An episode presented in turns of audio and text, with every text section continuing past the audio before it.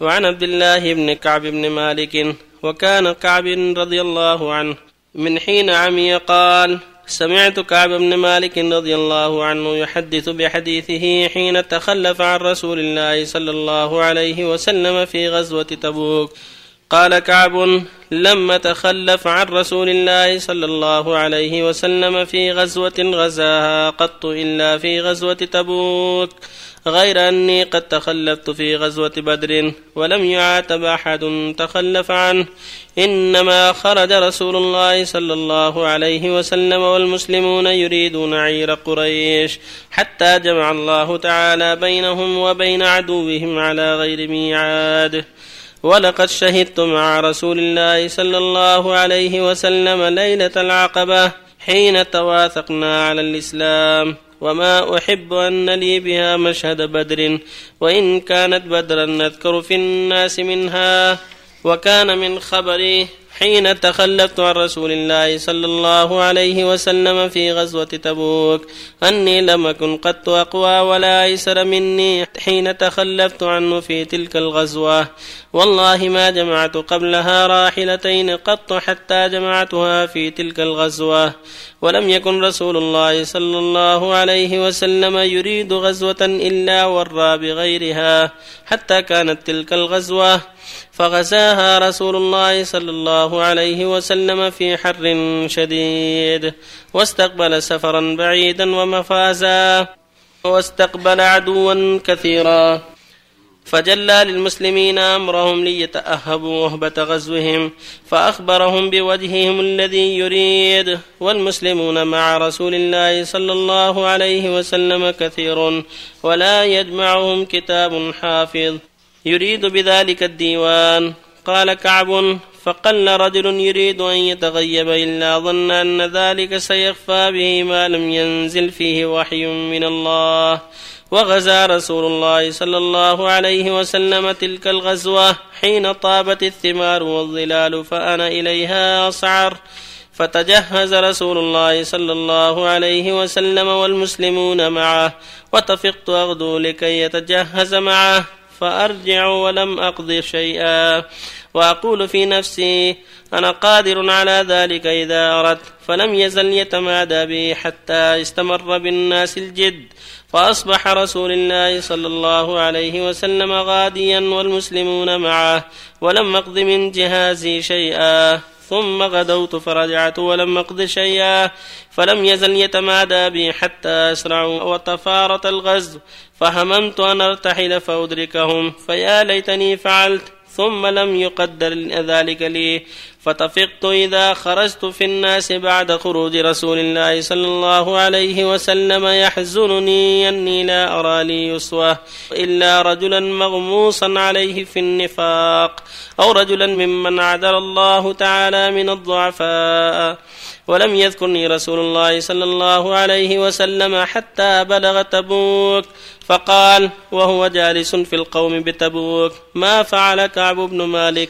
فقال رجل من بني سلمة يا رسول الله حبسه بردا والنظر في عطفيه. فقال له معاذ بن جبل رضي الله عنه بئس ما قلت. والله يا رسول الله ما علمنا عليه إلا خيرا.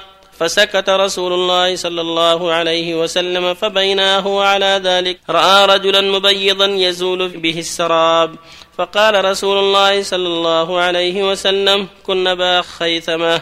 فإذا هو أبو خيثمة الأنصاري وهو الذي تصدق بصاع التمر حتى لمزه المنافقون. قال كعب فلما بلغني أن رسول الله صلى الله عليه وسلم قد توجه قافلا من تبوك حضرني بثي فطفقت وتذكر الكذب وأقول بما أخرج من سخطه غدا وأستعين على ذلك بكل ذي رأي من اهله فلما قيل إن رسول الله صلى الله عليه وسلم قد ظل قادما زاح عني الباطل حتى عرفت أني لم أنج منه بشيء ابدا. فأجمعت صدقه وأصبح رسول الله صلى الله عليه وسلم قادما. وكان إذا قدم من سفر بدا بالمسجد فركع فيه ركعتين ثم جلس للناس فلما فعل ذلك جاءه المخلفون يعتذرون إليه ويحلفون له. وكانوا بضعا وثمانين رجلا فقبل منهم علانيتهم وبايعهم واستغفر لهم. ووكل سرائرهم إلى الله تعالى حتى جئت. فلما سلمت تبسم تبسم المغضب. ثم قال تعالى فجئت أمشي حتى جلست بين يديه. فقال لي ما خلفك؟ ألم تكن قد ابتعت ظهرك? قال قلت يا رسول الله إني والله لو جلست عند غيرك من أهل الدنيا لرأيت أني سأخرج من سخطه بعذر. لقد أعطيت جدلا ولكنني والله لقد علمت لئن حدثتك اليوم حديث كذب. ترضى به عني ليوشكن الله يسخطك عليه وإن حدثتك حديث صدق تجد علي فيه. إني لأرجو فيه عقب الله عز وجل والله ما كان لي من عذر. والله ما كنت قط أقوى ولا أيسر مني حين تخلفت عنك قال فقال رسول الله صلى الله عليه وسلم أما هذا فقد صدق فقم حتى يقضي الله فيك. وسار رجال من بني سلمة فاتبعوني. فقالوا لي والله ما علمناك أذنبت ذنبا قبل هذا. لقد عجزت في أن لا تكون اعتذرت إلى رسول الله صلى الله عليه وسلم بما اعتذر إليه المخلفون. فقد كان كافيك ذنبك استغفار رسول الله صلى الله عليه وسلم لك. قال فوالله ما زالوا يؤنبونني حتى أردت أن أرجع إلى رسول الله صلى الله عليه وسلم فأكذب نفسي. ثم قلت لهم هل لقي هذا معي من أحد؟ قالوا نعم لقيه معك رجلان. قالا مثل ما قلت. وقيل لهما مثل ما قيل لك. قال قلت من هما؟ قالوا مرارة بن الربيع بن العمري وهلال بن أمية الواقفي. قال فذكروا لي رجلين صالحين. قد شهدا بدرا فيهما أسوة. قال فمضيت حتى ذكروهما لي ونهى رسول الله صلى الله عليه وسلم عن كلامنا أيهما الثلاثة من بين من تخلف عنه. قال فاجتنبنا الناس أو قال تغيروا لنا حتى تنكرت لي في نفسي الأرض. فما هي بالأرض التي أعرف؟ فلبثنا على ذلك خمسين ليلة. فأما صاحبايا فاستكانا وقعدا في بيوتهما يبكيان. وأما أنا فكنت أشب القوم وأجلدهم فكنت أخرج فأشهد الصلاة مع المسلمين وأطوف في الأسواق ولا يكلمني أحد وآتي رسول الله صلى الله عليه وسلم فأسلم عليه وهو في مجلسه بعد الصلاة فأقول في نفسي هل حرك شفتيه برد السلام أم لا؟ ثم أصلي قريبا منه وأسارقه النظر فإذا أقبلت على صلاتي نظر إلي وإذا التفت نحوه أعرض عني. حتى إذا طال ذلك علي من جفة المسلمين مشيت حتى تسورت جدار حائط أبي قتادة وهو ابن عمي وأحب الناس إلي. فسلمت عليه فوالله ما رد علي السلام. فقلت له يا أبا قتادة أنشدك بالله أن تعلمني أحب الله ورسوله صلى الله عليه وسلم. فسكت. فعدت فناشدته فسكت. فعدت فناشدته فقال الله ورسوله أعلم.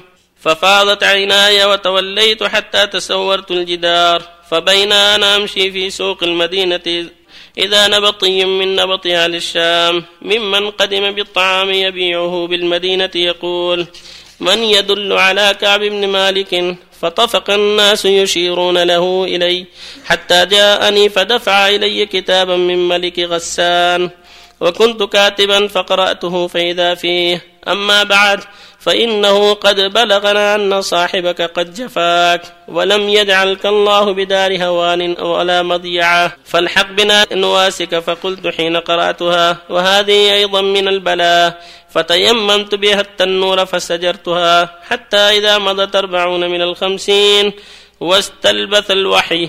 إذا رسول رسول الله صلى الله عليه وسلم يأتيني فقال إن رسول الله صلى الله عليه وسلم يأمرك أن تعتزل امرأتك. فقلت أطلقها. أم ماذا أفعل؟ قال لا بل اعتزلها فلا تقربنها. وأرسل إلى صاحبي بمثل ذلك. فقلت لامرأتي الحقي بأهلك فكوني عندهم حتى يقضي الله في هذا الأمر. فجاءت امرأة هلال بن أمية رسول الله صلى الله عليه وسلم فقالت له يا رسول الله إن هلال بن أمية شيخ ضائع ليس له خادم فهل تكره أن نخدمه؟ قال لا ولكن لا يقربنك. فقالت إنه والله ما به من حركة إلى شيء ووالله ما زال يبكي منذ كان من أمره ما كان إلى يومه هذا. فقال لي بعض أهله لو استأذنت رسول الله صلى الله عليه وسلم في امرأتك فقد أذن لامرأة هلال بن أمية أن تخدمه. فقلت لا أستأذن في يا رسول الله صلى الله عليه وسلم. وما يدريني ماذا يقول رسول الله صلى الله عليه وسلم إذا استأذنته فيها. وأنا رجل شاب. ولبثت بذلك عشر ليال فكمل لنا خمسون ليلة من حين نهى عن كلامنا. ثم صليت صلاة الفجر صباح خمسين ليلة على ظهر بيت من بيوتنا فبين أنا جالس على الحال التي ذكر الله تعالى منا. قد ضاقت علي نفسي وضاقت علي الأرض بما رحبت. سمعت صوت صارخ أوفى على سلع يقول بعلى صوته يا كعب بن مالك أبشر فخررت ساجدا وعرفت أنه قد جاء فرج فآذن رسول الله صلى الله عليه وسلم الناس بتوبة الله عز وجل علينا حين صلى الفجر فذهب الناس يبشروننا فذهب قبل صاحبي مبشرون وركض رجل إلي فرسا وسعى ساع من أسلم قبلي وأوفى على الجبل وكان الصوت أسرع من الفرس فلما جاءني الذي سمعت صوته يبشرني نزعت له ثوبي فكسوتهما إياه ببشارته. والله ما أملك غيرهما يومئذ. واستعرت ثوبين فلبستهما وانطلقت أتأمم رسول الله صلى الله عليه وسلم. يتلقاني الناس فوجا فوجا يهنئونني بالتوبة ويقولون لي لتهنك توبة الله عليك. حتى دخلت المسجد فإذا رسول الله صلى الله عليه وسلم فإذا رسول الله صلى الله عليه وسلم جالس حوله الناس فقام طلحة بن عبيد الله رضي الله عنه يهرول حتى صافحني وهنأني والله ما قام رجل من المهاجرين غيره فكان كعب لا ينساها لطلحة.